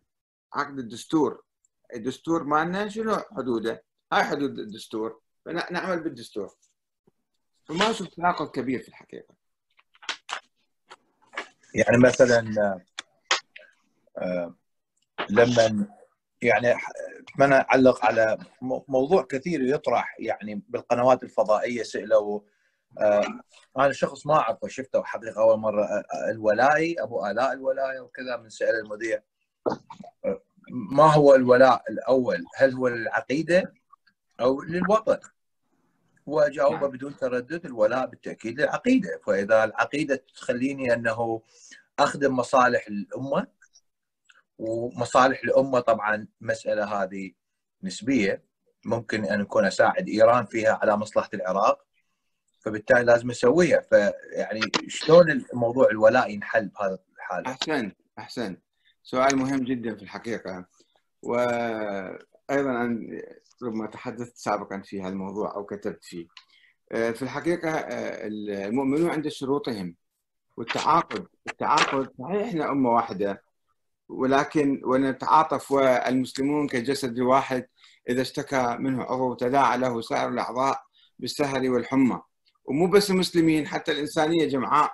إذا صار زلزال في مكان إذا صار في فيضان في مكان أو كارثه في مكان يشوفون العالم كله يهب لمساعدة المنكوبين ولكن بالنسبة للولاء بالذات خلينا نتحدث بصراحة في الموضوع. العراق وإيران مثلا دولتان نفترض شيعيتان أو اسلاميتان على الأقل. وهنا أنا كعراقي مثلا ملتزم بالدستور العراقي. أنا موقع على الدستور وملتزم به. الدستور العراقي يحدد مصالح هذه الفئة من الناس اللي في هذا البلد وأنا ما لازم أخرج عنهم.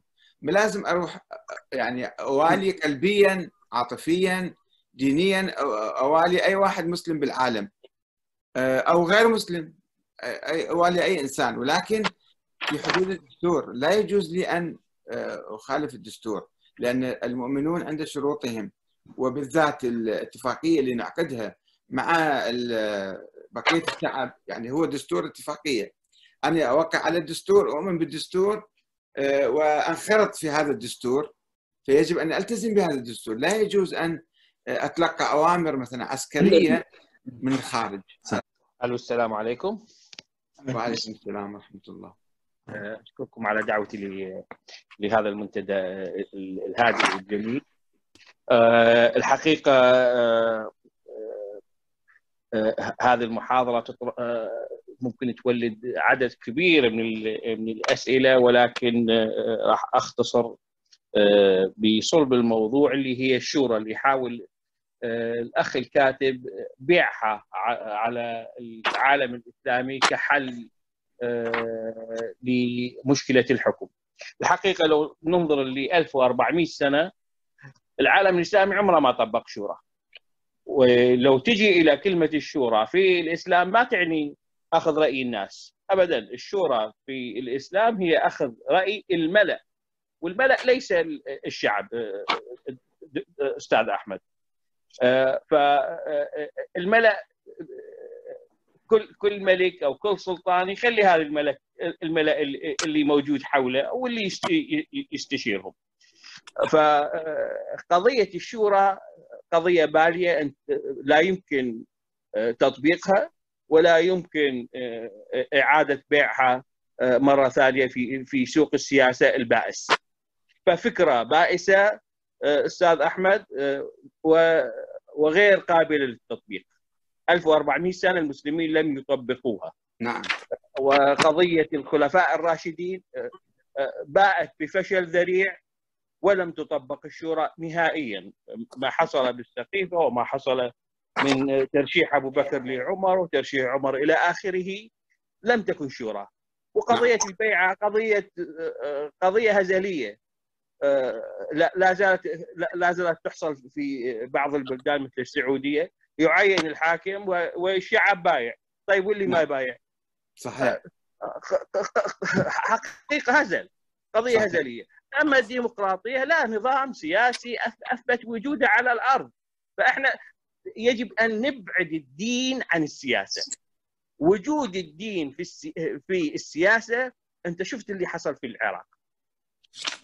ادخال الدين في السياسة دخلنا في مجال الفساد. نعم. بدون أدنى شك. هذا السؤال الأول.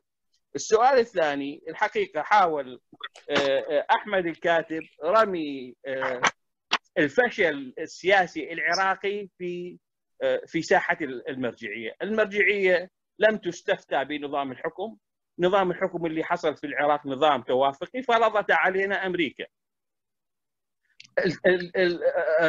ساحة السيستاني لم تتدخل لا بالدستور ولا فرض الدستور ولم تكتب الدستور ولم تعين أي من نظام الحكم. فنتكلم عن فشل النظام السياسي الحالي بالعراق سبب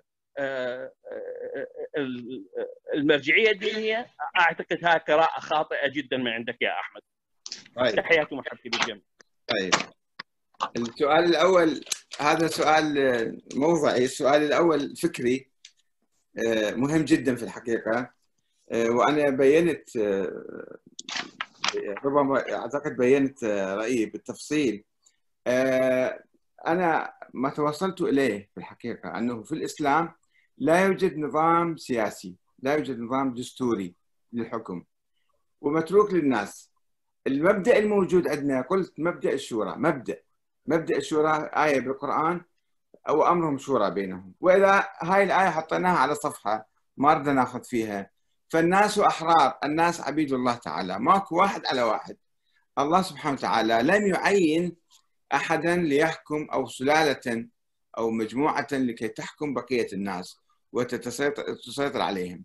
تجربة الخلفاء الراشدين أنا قلت في حديثي قبل قليل أنها كانت يعني بدائية وسريعه وفلتة كما عبر عنها نفس عمر بن الخطاب.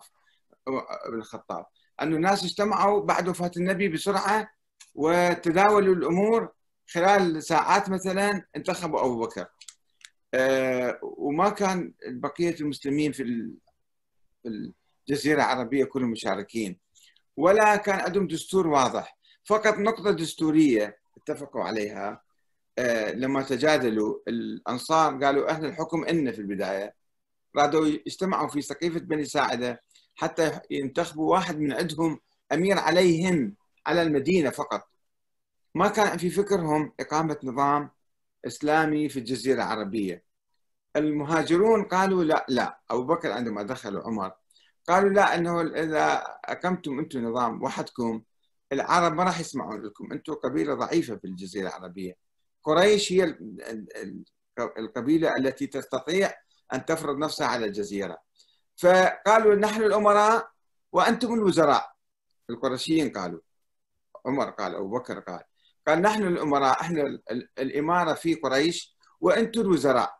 هذا مبدأ دستوري طبعا غير عادل وغير طبيعي مؤقت في ضمن الناس اللي كانوا ذيك الأيام.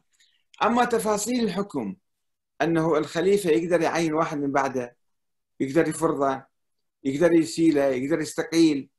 شنو علاقته مع حدود صلاحياته إيش قد؟ كل التفاصيل الدستورية ما موجودة في تجربة الخلفاء الراشدين. قلت لذلك حتى عندما تحدث مشكلة بين الناس وبين الخليفة مثل عثمان بن عفان وتؤدي إلى قتله ماكو محكمة دستورية تبت بالموضوع وتحل المشكلة. فكانت في ثغرات في التجربة الدستورية وبحثت مفصلا في كتابي تطور الفكر السياسي السني نحو خلافة ديمقراطية. هل الموضوع هذا؟ فأنا أقول والفقهاء الدستور في التاريخ الإسلامي مثل ماوردي وغيره وغيره والخوارج والمعتزلة كانوا يقولون النظام السياسي يأتي من العقل لا يأتي يعني قسم كانوا يقولون بالنص ديني النظام ديني وقسم كانوا يقولون النظام عقلي. نظام الحكم نظام عقلي وليس نظاما دينيا لأن الدين لم يبت ولم يطرح ولم يتحدث في هذا الموضوع. فأنا عندما أقول الشورى لا أنفي الديمقراطية. أنا أعرف أنه تجربة الديمقراطية الغربية تجربة غنية ومفصلة وتاريخية وواسعة. لذلك أقول المبدأ نأخذه لا نأخذ تجارب الخلفاء السابقين والعالم الإسلامي كله ما كان يعرف الشورى وما كان يعرف الديمقراطية. كانوا يسموه أهل الحل والعقد. من هم؟ قائد الجيش الوزير المفتي ذولا هم يعينون الخليفة الجديد. وأحيانا فقط قائد الجيش كان يعين. قائد الجيش هو الذي مملوك كان أيضا أحيانا. من المماليك عبيد كانوا. هم يعينون الخليفة ال- ال- التالي من هو. فهذا النظام فاشل ونظام مو صحيح. وحتى الخلفاء العثمانيين كانوا يعينوهم ذول ال- ال- الانكشارية يسموهم الجيش العثماني. ف وكانوا يحبسون الخليفة في قفص وبعد ما يموت ذاك الخليفة يطلعون هذا واحد جديد ما يفتن بالحياة شنو ويصير خليفة لعبة بايديه لذلك أقول نحن ننفتح على التجربة الديمقراطية الغربية مع احتفاظ بثقافتنا الدينية. نحن كمسلمين نؤمن بالإسلام بالقيم الإسلامية بالأخلاق الإسلامية بالقوانين الإسلامية.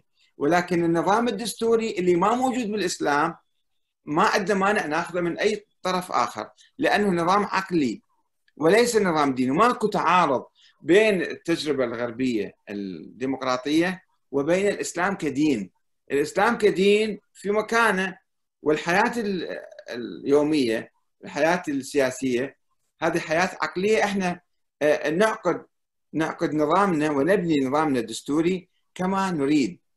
أما النقطة الثانية اللي تفضلت فيها آه، آه، انه السيد السيستاني لم يتدخل لا بالعكس أنا أعتقد وكل الشواهد تدل على أنه تدخل في كتابة الدستور وبعث ناس وت- وتلاميذه والسيد الصافي أحمد الصافي كان في المجلس وآخرون وهو الذي دعا إلى الدستور إلى إلى كتابة الدستور. في البداية كان بريمر يريد يعين جماعة يسوون الدستور فقال لا لازم هيئة هيئة تأسيسية منتخبة من الناس آه، هي التي تجلس وتكتب الدستور ثم تعرضه على الناس فالناس يوافقون عليه.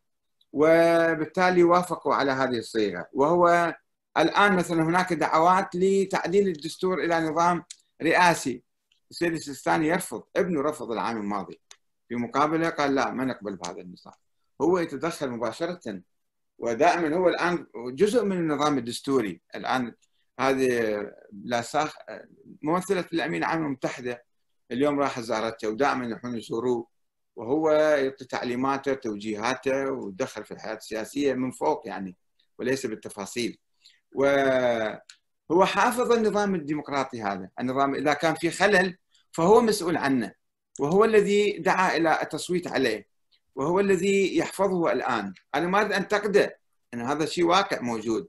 آه، فما يمكن إحنا يعني نقول هو ما موجود ولا له أثر ولا دخل ولا محزن لا بالعكس. تسلم. شكرا أستاذ أحمد. آه، راح نطول عليك إحنا شوية بس آه، أني آه، بس أريد أقول أنه صحيح ال- السيد السيستاني هو آه، دا يعطي ارشادات للدولة أو للأمة أو للشعب أو للحكومة بس يعني معظم قراءاتنا ومعظم قراءات ال ال ال السامعين أنه مساهمات إيجابية للحفاظ على الدم العراقي وللحفاظ وضد الطائفية وللحفاظ على آه، آه، مؤسسات الدولة وحتى تصريحه الأخير اليوم كان يطالب بمحاسبة قتلة المتظاهرين. فأنا أعتقد يعني صحيح هو يتدخل بس هذا التدخل هي الناس قاعدة طالبة أن يتدخل. وإن شاء الله يكون التدخلات بهذا الشكل تكون إيجابية. سؤالي أنا يعني افتهم من من طرحك أنه ماكو شيء اسمه مشروع دولة إسلامية. لا يعني لا في لا موجود في القرآن الكريم ولا على شكل مشروع قدم خلال إدارة المدينة المنورة في عهد الرسول وإنما كانت جس مبادرات وإدارات. وبالتالي ما نقدر نقول إحنا مثلا الدولة الأموية هي دولة إسلامية هي دولة حكموها أمويين هم كل ما هنالك دينهم كان مسلم يعني كأفراد. نعم. فلذلك الدولة ما كانت تحكم بمقومات أو دستور إسلامي لأنه هذا ما موجود. صحيح. موضوع الشريعه الزواج والطلاق والإرث هذه مسألة مو مشروع دولة هذه مشروع علاقات اجتماعية إنسانية يعني مو مو موضوع إدارة الدولة. فهل نعم. فهمي الحق صحيح؟ شكرا. صحيح تماما. صحيح تماما. أنا هذا اللي اريد أقوله. أن التجربة اللي كانت بالتاريخ حتى تجربة الخلفاء الراشدين وتجربة الإمام علي بالذات تجربة مدنية لم تكن تجربة دينية. لم يكن الإمام علي يطرح نفسه هو كنبي. النبي صلى الله وسلم عليه عندما كان يتحدث يقول أنا مرتبط بالله تعالى يجيني وحي أقول لكم سووا كذا. الإمام علي ما كان يتحدث بهالطريقة هذه. الإمام علي يقول لهم للناس خطبة طويلة عنده موجودة موجودة كما قلت في بداية الحديث في نهج بلاغة وفي كتاب الكافي. إني في نفسي لست بفوق أن أخطئ ولا آمن ذلك من فعلي فلا تكفوا عن مقالة بحق أو مشورة بحديث هذا كلام واحد يدعي دولة دينية. الآن شوفوا أنتم أي شيخ صغير عندما يصعد على المنبر يتكلم يتكلم كأنه يتكلم عن الله تعالى فضلا عن المراجع فضلا عن الكذا. وما يسمح أحد ينتقده واذا انتقدته أنت خالفت الإسلام أنت خالفت آه، آه، الله. فالإمام علي ما كان يتكلم بشكل كان يقول أنا أنا واحد من عندكم يعني أنا بس لأنه الناس اجوا طلبوا من عندي آه، وأنا قمت بواجب المسؤولية. ولذلك الإمام الحسن عندما بويع بالخلافة وخلافته كانت شرعية وطوعية بعد بعد ذلك بعد ستة أشهر ارتأى أن يتنازل ويسلم الحكم إلى معاوية. لو كانت الخلافة دينية والحكم ديني ما كان يجوز له يتنازل عنه ويعطيه إلى معاوية. فكل التاريخ يؤكد أنه لا وجود لدستور في الإسلام وأن الحكم مدني وأهل البيت كانوا يؤمنون بالشورى. كمبدأ عقلي الشورى مبدأ ديمقراطي عقلي هذا أنه الحكم برضا الناس برضا الناس وباختيارهم للامام و بس إحنا جينا أضفينا بعد ذلك الإمامية أضفوا على الأئمة طابع ديني وقالوا هؤلاء معصومون ومعينون من قبل الله وهؤلاء يعني مثل الأنبياء. وبعضهم قالوا الائمه أنبياء بعض الشيعة المتطرفين وبعضهم قالوا بالله مو أئمة مو أنبياء ذولا أنصاف آلهة أو آلهة حتى قالوا. في فرقة في زمن الإمام الصادق اسمها فرقة الخطابية محمد بن أبي مقلاص أبو الخطاب. هذا كان معتمد الإمام الصادق في الكوفة. ثم انحرف وادعى أن الإمام الصادق هو الله سبحانه وتعالى الله متجسد فيه مثل ما كان يقول المسيحيون. وربما هو كان مسيحي لأنه في القرن الثاني حدثت حركة تحول من المسيحيين إلى الإسلام وهذول بالكوفة كانوا بالعراق كانوا. آه، بني كندة أيضا بالذات كانوا وبني وائل. فهؤلاء أثروا واختلطت عندهم مفاهيم فقالوا الائمه آلهة أو أنصاف آلهة. الآن هناك مشايخ في قم مشايخ في النجف يقولون الأئمة يديرون الكون. الإمام المهدي يقولون الآن يدير الكون هو يخلق ويرزق ويحيي ويميت ويحل المشاكل لذلك يشوفون الناس يروحون يتوسلون بالأئمة حتى مثلا يحلون مشاكلهم فهذه اضفاء الطابع الديني الإلهي على أشخاص الأئمة هذا نوع من الانحراف عن أهل البيت وعن الإسلام في الحقيقة. شكرا.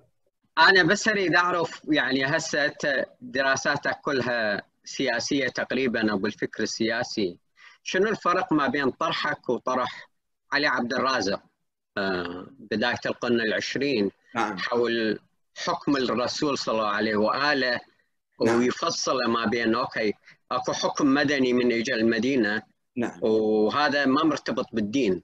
صحيح. أنت تقريبا أشوفك يعني في في تقريبا نفس المنحى قاعد تعطي للاسلام وللائمه فبس تعرف رأيك حول الموضوع. يعني نفس الشيء تقريبا نفس الفكرة. لأنه هو الإسلام واصول الحكم علي عبد الرازق. فهو توصل إلى أنه الخلافة مو نظام إسلامي نظام بشري. وقال أبو بكر أول ملك في الإسلام في كتابه. قال yeah. أول ملك أبو بكر أول ملك في الإسلام. ملك يعني بمعنى الحكم يعني حاكم. حاكم مدني وليس خليفة ديني. حتى أبو بكر ما كان يدعي نفسه. هو مثلا عنده مسحة دينية باعتبار قاعد مكان مثل الآن البابوات كما تعرفون.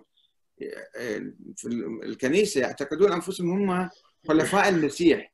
وبالتالي يستطيع أن يغير حتى بالدين المسيحي بالمفاهيم والعقائد المسيحية.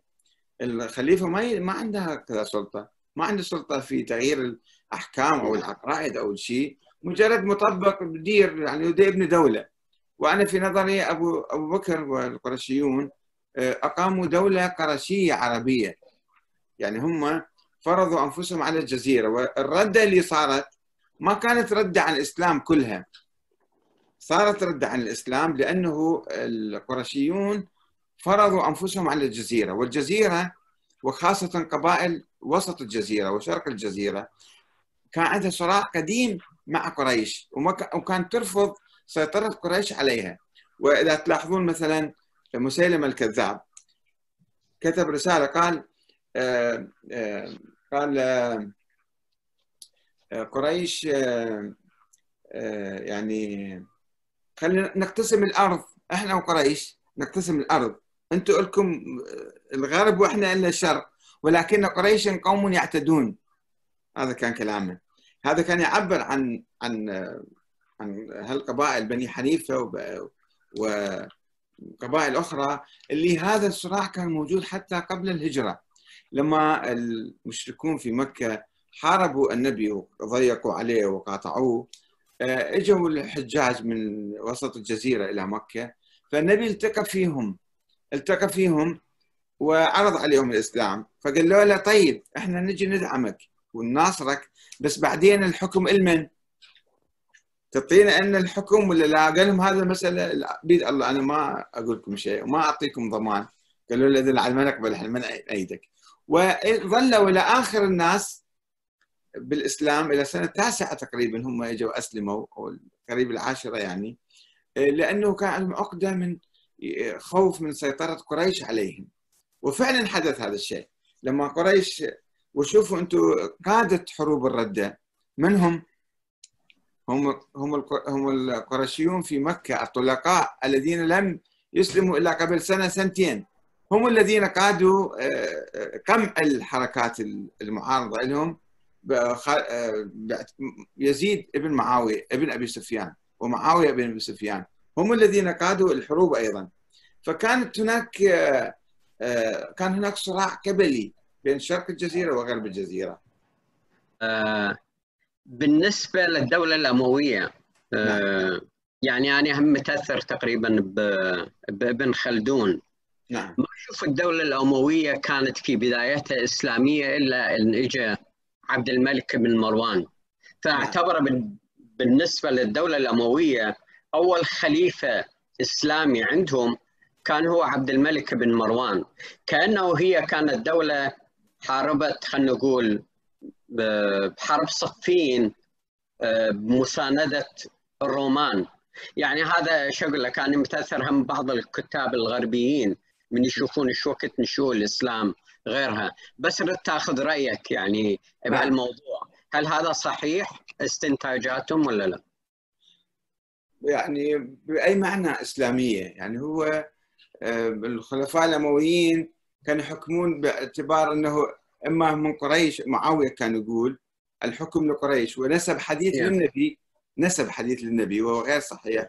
كان يقول النبي قال الخلافة في قريش. بينما أبو بكر في سقيفه بني ساعده لم يقل النبي قال وإنما هو عبر عن رأيه قال إنه الخلافة في قريش يجب أن تكون لأن العرب ما راح يقبلون بكم يا أنصار. آه، وبعد ذلك آه، تدهورت الأمور وأصبح ملك والملك مرة يكون في احترام لإرادة الناس وتقدير لهم وأخذ رأيهم مثلا بالبيعة الطوعية ومرة يكون لا بالقسر والإرهاب والإكراه تعالوا بايعوا المبايع اقطع رأسه. فهذا اللي صار في الحقيقة أحسن سؤالي إذا امكن يسمحون الاخوان هو بخصوص إحنا تربينا على آه، مصطلحات كثيرة الدولة الإسلامية، الحكم الإسلامي، نعم. الإمبراطورية الإسلامية، النظرية الإسلامية، الدستور الإسلامي، وهذه العناوين آه، يعني في مضامينها للأسف بعيدة جدا عن هذه العناوين، إذا نعم. كانت تعتمد على مبدأ الشورى أو إذا كانت تعتمد على مبدأ ال ال الإمامة في الاثني عشرية اللي هي بعد ذلك تطورت إلى ولاية الفقيه أو إلى مبادئ أخرى. إحنا اليوم أبناء اليوم هل تعتقد إن ال ال يعني هل العناوين هذه لم تعد صالحة آه، من نظر إسلامي مثل جنابك؟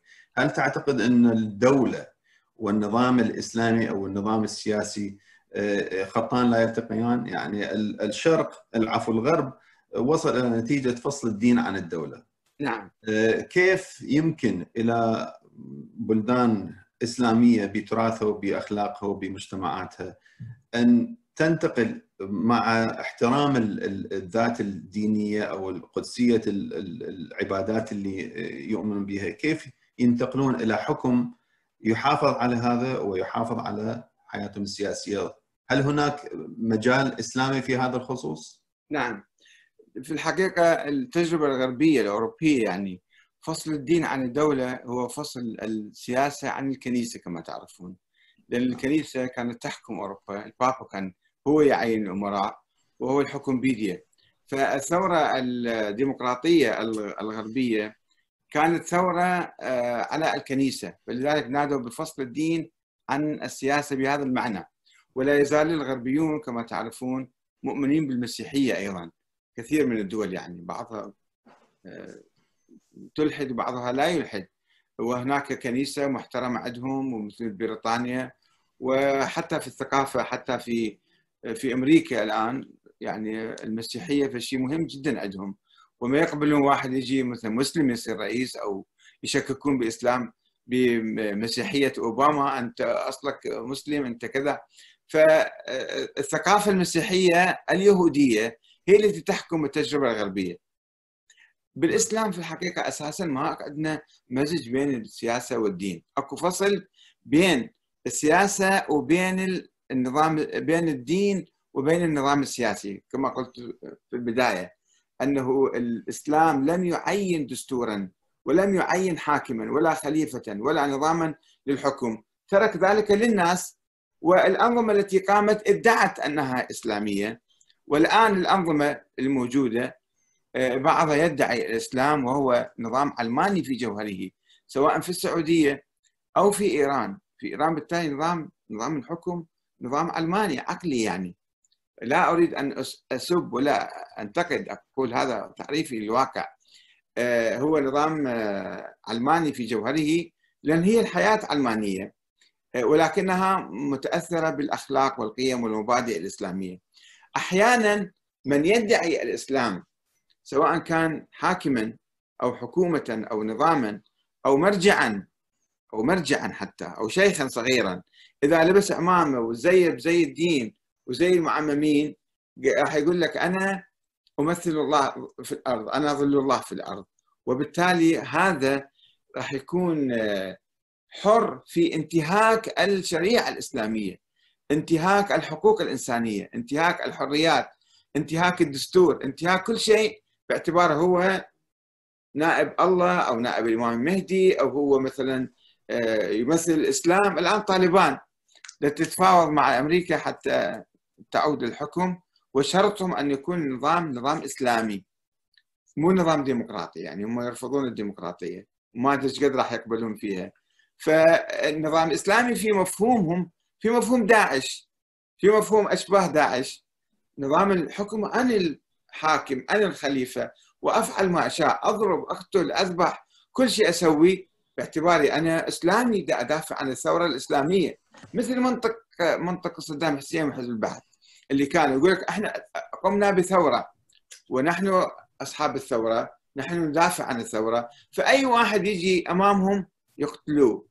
ويسحقوه ويبررون يعني الاستبداد والدكتاتورية. مع الأسف الشديد في أدعياء الإسلام هذا أيضا وارد وموجود وخطر كبير. لذلك علينا أن ننظر حتى للمرجعية الدينية أنها مرجعية لا دينية.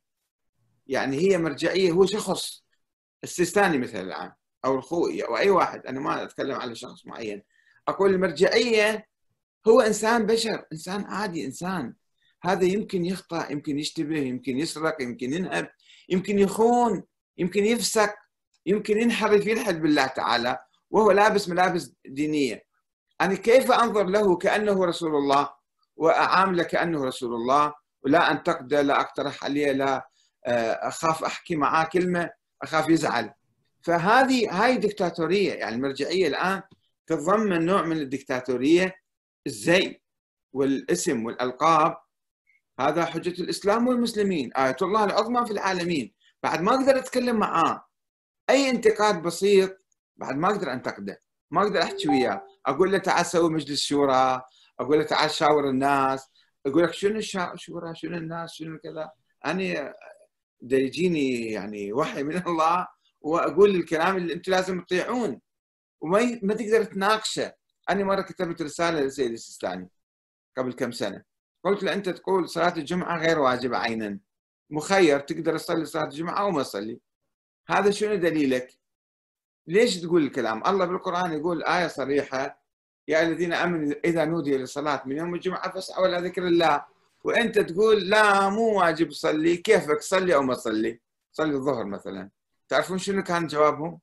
قال أنه أنت ما عليك أنت قلد وبس. ما عليك لا تسأل شيء أسئلة. يعني هذه دكتاتوريه فهذا هذا كلامنا إنه إحنا ما لازم يكون عندنا واحد اسمه مرجع ديني. أنت مرجع مستشار. إذا عندك علم إحنا نستشيرك وتقول لنا بس أنت مو مقدس أنت مو ظل في الأرض. والسلام عليكم ورحمة الله وبركاته. حياك الله.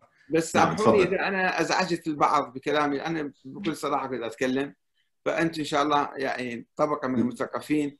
تستوعبون الكلام حتى لو كان يعارض رأيكم ومواضيع فيها نقاش كثير. جزيلا دعوتكم وأنا اشكركم كثيرا. حياكم الله جميعا.